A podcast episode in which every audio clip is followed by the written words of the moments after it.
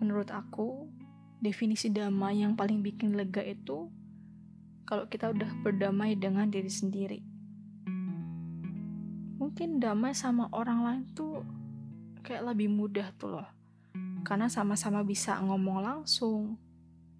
Kalau misal mungkin lawan kita tuh ngerasa salah, dia bakal lebih jelas kan.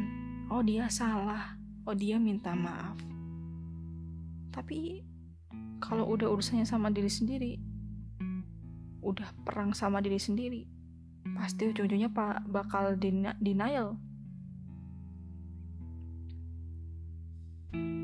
Kayak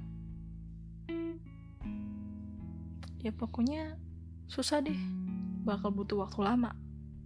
Tapi sekalinya kamu udah berhasil damai sama diri sendiri wow aku cuma mau bilang kalau kamu tuh keren banget.